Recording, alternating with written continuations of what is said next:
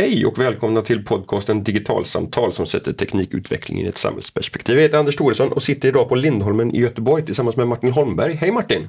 Hej Anders! Du är programchef för ett innovations och forskningsprogram som heter Medier och demokrati. Och vi ska prata om eh, journalistik, vi ska prata om teknikutveckling lite grann, vi ska prata om, om mediernas roll i, i samhället. Vad, vad, handlar forsknings och innovationsprogrammet Medier och demokrati om från ett sånt riktigt helikopterperspektiv? Hur, hur brukar du beskriva vad du jobbar med när du träffar personer som inte känner dig? Spännande fråga. Eh, först, apropå att säga vad jag jobbar med, så är jag programansvarig. Min chef är Program. programchef, så att vi bara håller mm. oss till formaliteterna yes. där. Programansvarig. Mm. Eh, det här är ett så kallat forsknings och innovationsprogram. Och det innebär att eh, Lindholmen Science Park, eller Medie och demokrati som programmet heter, eh, är en neutral aktör som sammanför eh, näringsliv, i det här fallet medieaktörer, det kan vara både traditionella, eh, framförallt eh, publicistiska nyhetsmedier, men det kan också vara entreprenöriella bolag inom sammanhanget, tillsammans med forskningen och i viss mån samhällsinstitutioner för att möta olika gemensamma utmaningar kring eh, framförallt journalistik eh, i det nya medielandskapet. Vi bedriver eh, experimentell projektforskning tillsammans där vi sätter ihop olika konsortier av aktörer. Det kan vara tidningar, det kan vara något medieuniversitet, det kan ibland vara två. Eh, det är kanske ytterligare aktörer som är med där vi helt enkelt testar fram för att hitta nya kunskaper och innovationer. Vad, vad, är det för utmaningar som, ni, som tanken är att ni ska hjälpa till att, att möta? Alltså frågeställningen, det här initiativet det startade på Lindholmen Science Park någon gång redan 2013, 2014. Och det man såg var att i det nya medlemskapet där digitaliseringen gör att du får så många aktörer, människor börjar agera på Eh, andra plattformar, sociala medier växte fram på ett annat sätt. Vi fick många mer som deltog på olika sätt. Trösklarna sänktes för att delta i, i samhällsdebatten och sådär. Och där man såg också att eh, framförallt lokala medier inte längre var samma riktigt shit i lokalsamhället. Ställde man sig frågan, vad, vad, vad kommer detta att betyda för oss som medborgare? Vad betyder det för medierna? Vad, vad kommer det att betyda för samhället och till syvende och sist demokratin? Så det var ju en grundfrågeställning. Och sen så journalistiken som ju är en, en viktig del av demokratin. Eh, hur ska den utvecklas och eh, fungera i, i ett framtida medielandskap tillsammans med demokratin? Det krävs ju naturligtvis som i alla branscher en typ av utveckling och innovation. Det är de frågorna vi jobbar med. Så att dels söker vi frågor som ingen idag har svar på. De försöker vi hitta svar på och vi försöker också skapa nya förutsättningar för journalistiken framförallt. Men, men här, här, du, du, du, pratar om journalistiken och inte mm. om, om eh, medieaffären till exempel, eller de etablerade mediehusen. Det, det är liksom ett, ett, fokus på journalistikens roll i samhället och, eh, och hitta nya sätt för, för journalistiken att, att, och, och, journalisten att vara en, en viktig aktör, aktör i demokratin. Inte ett, ett sätt att, att hjälpa de etablerade mediehusen nödvändigtvis att, att överleva och, och förhålla sig till, till eh, en, en ny konkurrenssituation allt hänger ju i någon mån ihop såklart, men vårt fokus är inte affärsmodeller eller så i ett första steg. Sen kan ju vi bedriva projekt där det är forskning och innovation som sen kan leda till att här hittar man saker som kanske gör att det är värt att testa mot en ny affärsmodell mm. eller annat. Men utgångspunkten det är liksom journalistikens roll här mm. och medierna, framförallt de publicistiska medierna. Mm. Så hur utvecklar man detta? Programmet är ju inte alls på något sätt att, kom, vad ska jag säga, eh, konservera gamla strukturer, att ja, men papperstidningen var ju så viktig eller si och så, utan det handlar ju om värden kan man säga kring hur vi som medborgare, hur, hur hittar vi en god och relevant information som vi kan lita på. Hur granskas våra folkvalda? Hur eh, vad heter det, förs dialogen mellan medborgare och folkvalda eller mellan medborgare överhuvudtaget? Det är ju ett nytt system vi håller på att gå på väg, ett nytt ekosystem. Mm. Här är mängder av typer av frågor. Tidigare så så var ju journalistiken mer någonting du fick en papperstidning hem i brevlådan. Skulle du ta kontakt med den då fick du antingen ringa eller skriva någonting för det var oftast enda kanalen att komma ut. Idag sker ju kommunikation på så många plattformar att det smälter ihop. Hur får vi ett intressant, spännande offentligt samtal och vad har journalistiken för, för roll i detta och framförallt hur blir den relevant? Ja, just det. För, för att, eh, någonstans låter det som att, att en, en, en, väldigt viktig utgångspunkt för, för det här är att, att journalistiken är en viktig del utav demokratin. Ja, det får man ju se det som. Alltså, vem, om man tar något konkret, eh, vem till exempel om det nu ska byggas ut en större väg genom en, en ort idag.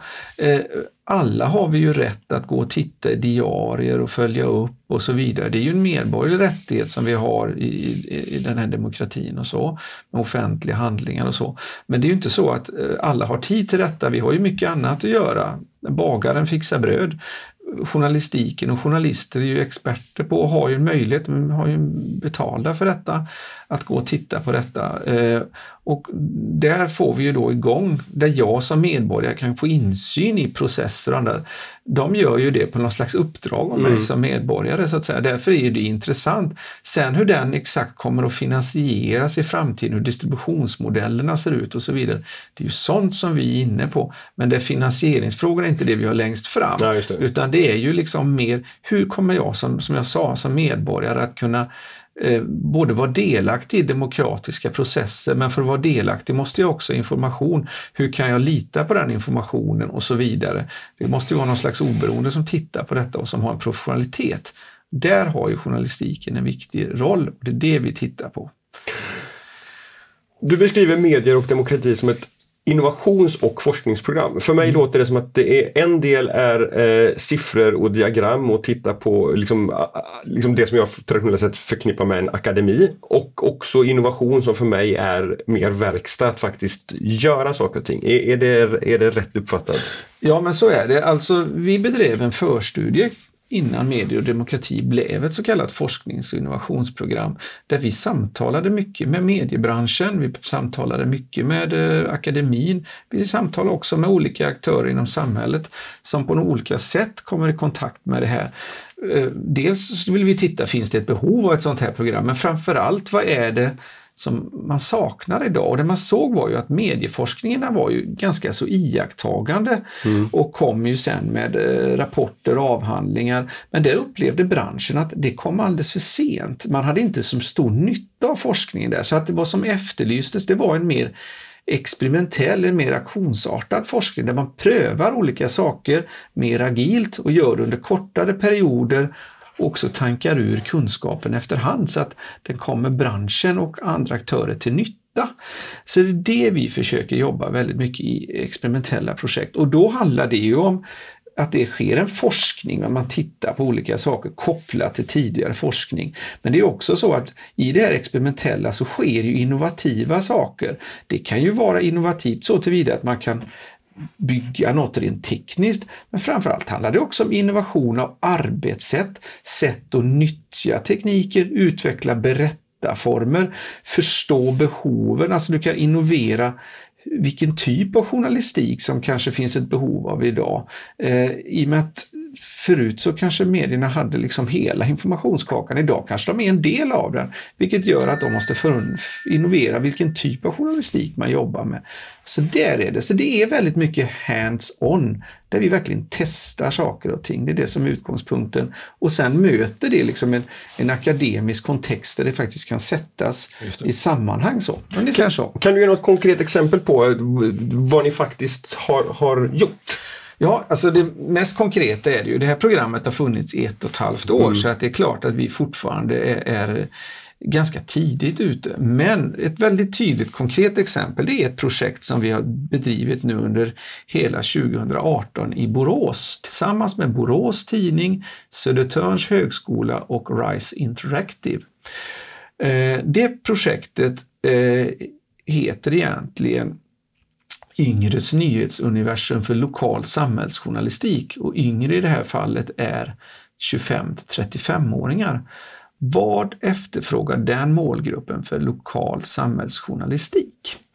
Eh, och det har helt enkelt varit så att Borås Tidning har projektanställt en testredaktion under sju månader som helt fritt har jobbat inne på Borås Tidning. Det har varit fyra personer för att identifiera vad de tycker är intressant lokal samhällsjournalistik, hitta vilka berättarformer de tycker är relevanta och bra, vilka distributionskanaler som de tycker är intressanta, hur ofta de ska publicera den här journalistiken och så vidare.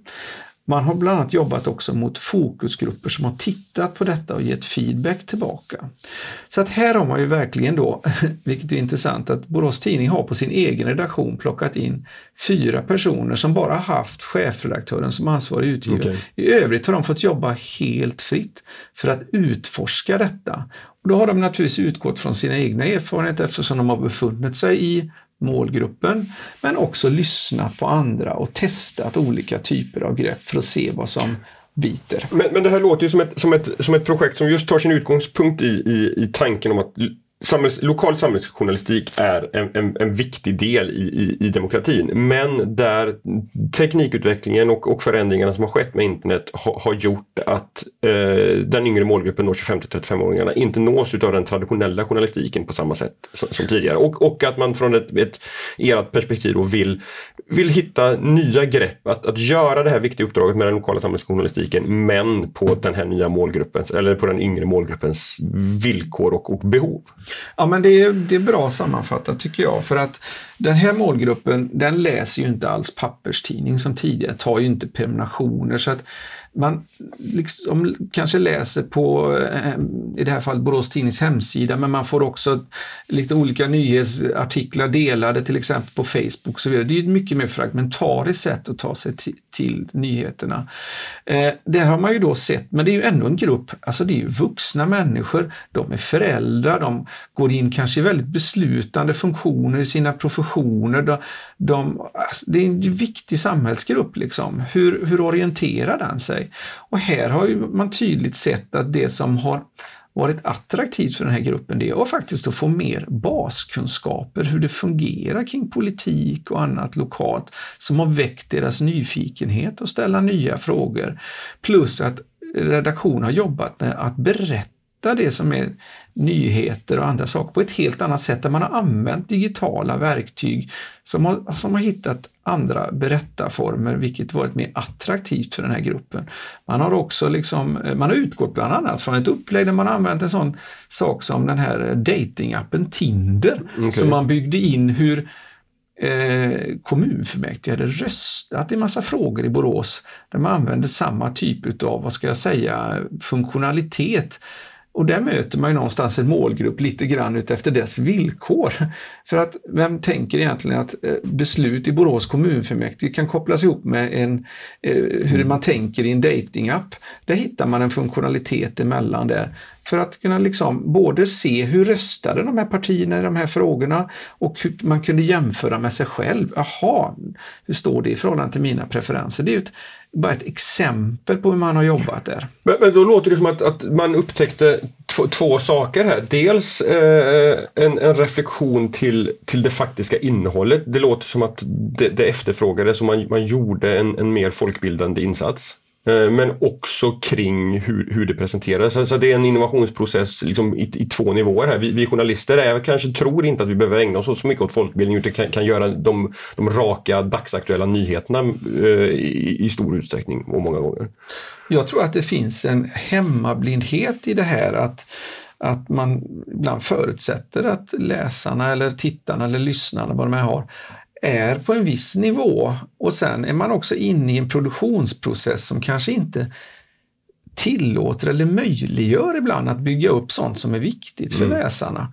Eh, plus att man har använder ju då kanske rationellt också samma typer av publiceringsverktyg och så vidare när man har en viss du ska ha en deadline kanske mot en papperstidning. När det gäller publicera digitalt så ska du oftast ut väldigt fort och så vidare.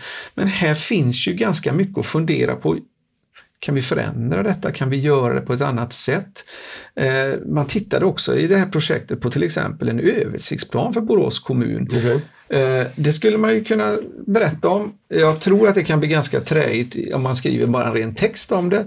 Den här gruppen den plockade fram en 360-kamera, eh, fotograferade Borås från ovan med hjälp av drönare när man då kan gå runt i den här miljön så man ser Borås från ovan så la man in olika punkter där översiktsplanen berättade om saker som kommunen hade planer för. Bland annat ett urbant stråk pratar man om. Då man klickar på det här som, som visar att här ska vara ett urbant stråk, då har man plötsligt satt en kamera i fronten på en bil. Man kör den här sträckan, man lägger in lite musik och i den här filmen så kommer det in information från sidorna som visar vad kommunen har för planer. Jag tror att det har visat sig vara ett sätt som den här målgruppen tar till sig detta på ett mycket, mycket spännande sätt. Något som kan vara ganska träigt, blir ganska roligt. Eh, och det man kan se är ju att det är en bildgeneration på ett helt annat sätt, mm. till exempel 25 35-åringar. Så att texten blir lite sekundär i förhållande till vad heter det, bilden, om man nu generaliserar grovt. Så att här har man hittat nya sätt att berätta och det har också fokusgrupperna bekräftat väldigt tydligt att variationen i berättandet är viktigt. Och, och hitta, kan jag tänka också då, alltså rätt berättargrepp beroende på, på vad är det vi ska berätta om. Därför att floran tillgänglig, tillgänglighet, liksom, de nya möjligheterna är så många i, i, hur man ska berätta så man måste ha en, en, en öppenhet från redaktionens sida här. Att, så här, vilken, vilken berättarform ska vi välja till just det här? Ja, och det kräver ju oftast lite grann att man vågar lämna sina comfort zones mm. och att man också har ett öppet eh, förhållningssätt och kanske skapar en kultur kring det. Det var en av medarbetarna på Borås Tidning som sa att jag tror att vi har ganska mycket av de här möjligheterna här fast vi använder dem inte så ofta beroende på att vi kanske inte riktigt säkra på hur vi ska använda tekniken ur ett mer spritt eh, sätt på redaktionen. Vi kanske inte riktigt vet vilka mandat vi har och så vidare. Så det kan ligga inbyggda hinder i den interna kulturen och det, det har ju inte med Borås Tidning att Jag tror att det är väldigt lika på många, mm. många mediehus där, där det liksom är lite osäkert Uh, och här tror jag lite grann att det funkar lite grann som en förlossningsavdelning mm. på det viset att ett projekt som är sju månader kan absolut inte ge alla svar och allt är inte helt rätt. Men jag tror det kan peka på möjligheter och sårbarheter också i den interna organisationen. Hur kan vi lyfta fram det här? Och det har ju, har ju Stefan Eklund då, som är chefredaktör på Borås Tidning berättat att de ser ju redan nu hur redaktionen använder sig mer utav saker som man har influerats av det här så kallade Beta Borås-redaktionen. Och det handlar om hur man använder just eh, vissa andra berättartekniker, men också hur man tänker kring det här lite mer folkbildande. Mm. Som självklart måste medierna granska och det finns en konfrontation och så vidare i journalistiken ibland som, som måste ligga där. Det är ju en del av dess nerv. Men man har också kanske ibland att det har tagit överhanden på bekostnad av det som kanske är mer upplysande. För det visar också den här studien och vi kommer att ha slutseminarier här nu de närmsta veckorna, men det här har vi redan skrivit om. Det är att till exempel målgruppen, de var lite trötta på den här typen av offerartiklar i den lokala journalistiken, att detta har hänt den och den. Man ville oftast mer ta reda på mer. Hur kunde detta uppstå? Vad är det som gör att den här problematiken uppstår? Och inte så mycket fokus på den enskilde drabbade. Det kan vara en intressant historia, men man ville fördjupa det lite grann. För att, Bort från personvinklarna och, och, och hitta liksom de, de, mer systematiska frågorna på systemnivå? Ja, alltså inte, inte bort med pistol, personhistorierna för att det måste finnas människor tror jag som, mm. som säger, illustrerar och levande gör. Men kanske att när redaktionen har fått bantas och så, när ekonomin har varit kärvare, så kanske man har missat de här delar och pusselbitar som ändå är viktiga för att på mer, som du säger, någon slags systemnivå få ett intresse för de här frågorna och förstå mer. Mm. Och detta har Beta Borås då jobbat med en del och, och det har varit ett kvitto har varit bland annat läsare som har sagt att de de har inte känt sig så upplysta inför eh, valet som var i höstas nu på lokal nivå, regional nivå tidigare för att de har följt den här journalistiken som har varit lite mer pedagogisk. Och det är ju jätteintressant eh, ur ett demokratiskt Mm. perspektiv också. Så att säga. Då gör ju samhällsjournalistiken en nytta också så att säga om människor. För jag tror att kunskap är en väldigt viktig del för att väcka ytterligare nyfikenhet och så vidare. Att vi sitter på Lindholmen är, är inte en slump. Eh, utan för här, här, här har ni möjlighet eh, i, i, i mediedemokrati att, att sitta mitt i en häxkittel med, med akademi och med, med teknikföretag. Så hur, hur, har, hur viktig är, är platsen Lindholmen?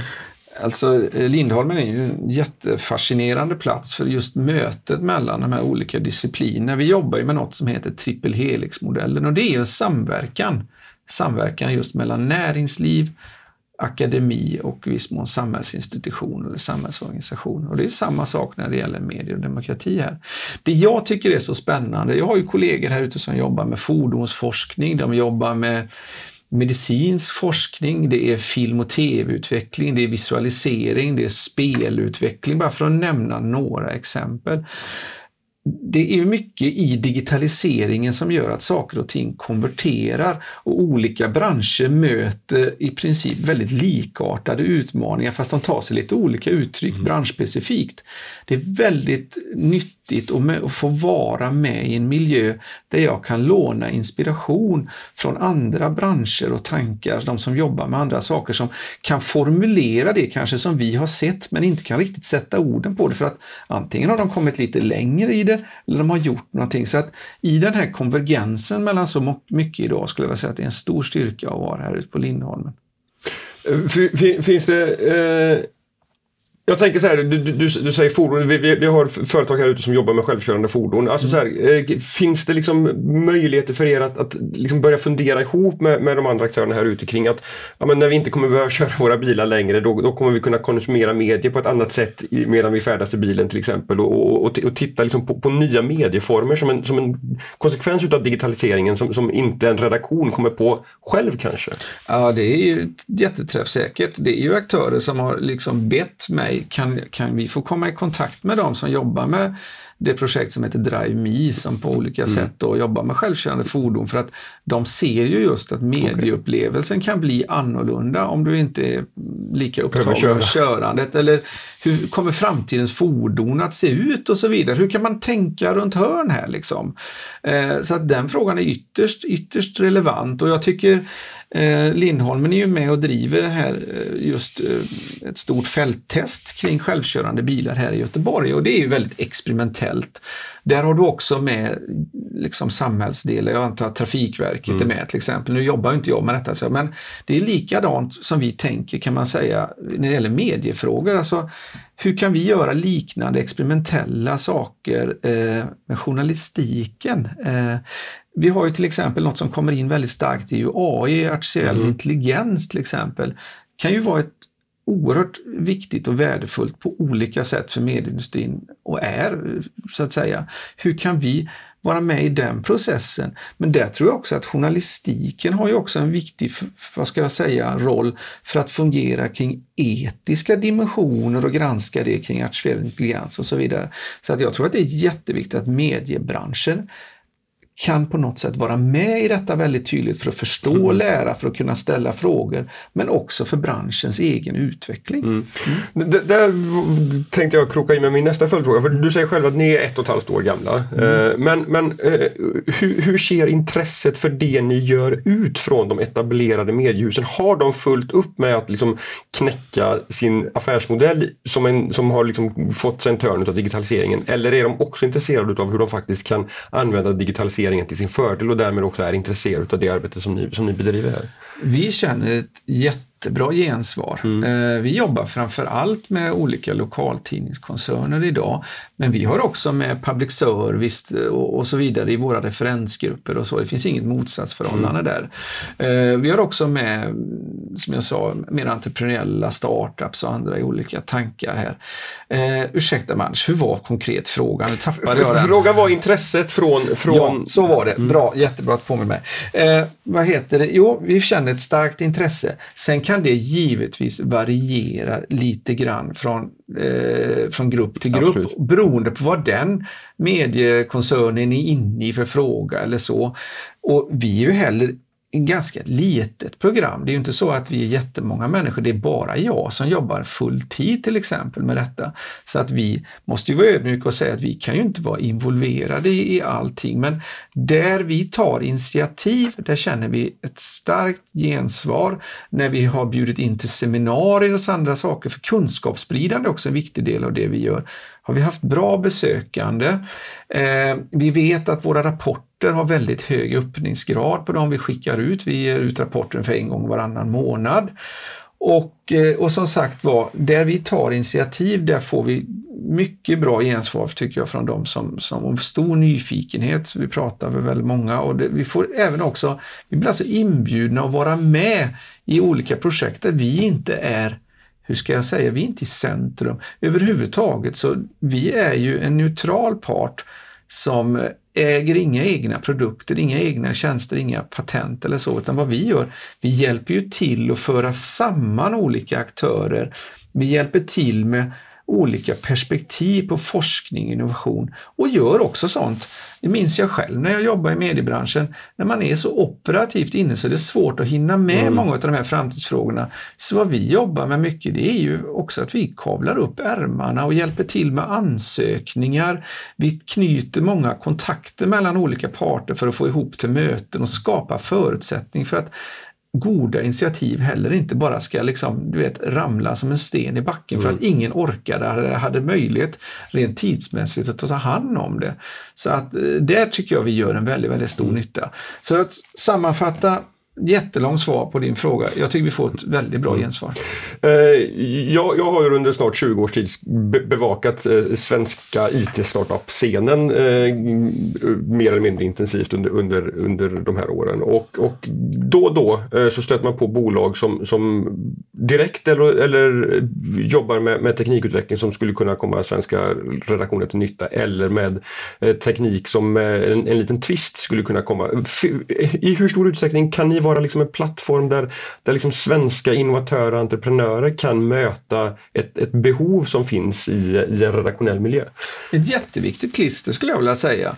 Eh, sitter man med en sån tanke, hur kan jag komma i kontakt med eh, vilka skulle kunna vara intresserade av detta eller så, så jobbar vi ju med väldigt, väldigt bred. Vi har ett jättestort nätverk och det nätverket, våran styrka, sitter i hög grad.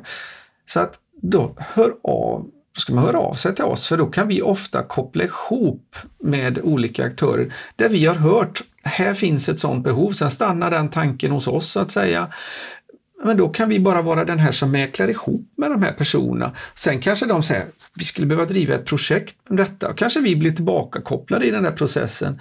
Och då säger vi att ja, de här kommer nog vilja vara intresserade av den forskningen eh, kring det. Ska vi prata med det universitetet eller den där aktören kanske vore bra att få med i något sammanhang också för de kan bidra där. Ja men vad bra, kolla det. Ja, då, plötsligt så bygger vi ihop ett mm. konsortium när de träffas och man kan göra en gemensam ansökan om det här projektet. Så att, Definitivt, vi kan göra mycket stor nytta och, och, det jag ser är väl att liksom vi, vi får fler, fler tangenter på pianot. Liksom. Istället för att man klinkar på sin egen tangent och får ett E hela tiden eller vad det nu är för någonting. Nu är jag ingen musikalisk stjärna men det finns någon ton som heter E tror jag. Eh, om man nu så att säga får en mycket bredare oktav tror jag det heter genom att, eh, genom att involvera mm. oss. Och vi har ju så att säga inget, inget egenintresse i det utan vi, vi gör ju detta för andra. Sen Självklart tycker vi det är roligt om det finns ett behov och programmet växer och så vidare. Men det är ju för att det ska göra nytta. Mm. Vi har ingen egen nytta i det. så att säga. Det blir en naturlig övergång till min sista fråga. Om man vill följa mer eller veta mer om vad mediedemokrati gör, hur, mm. hur,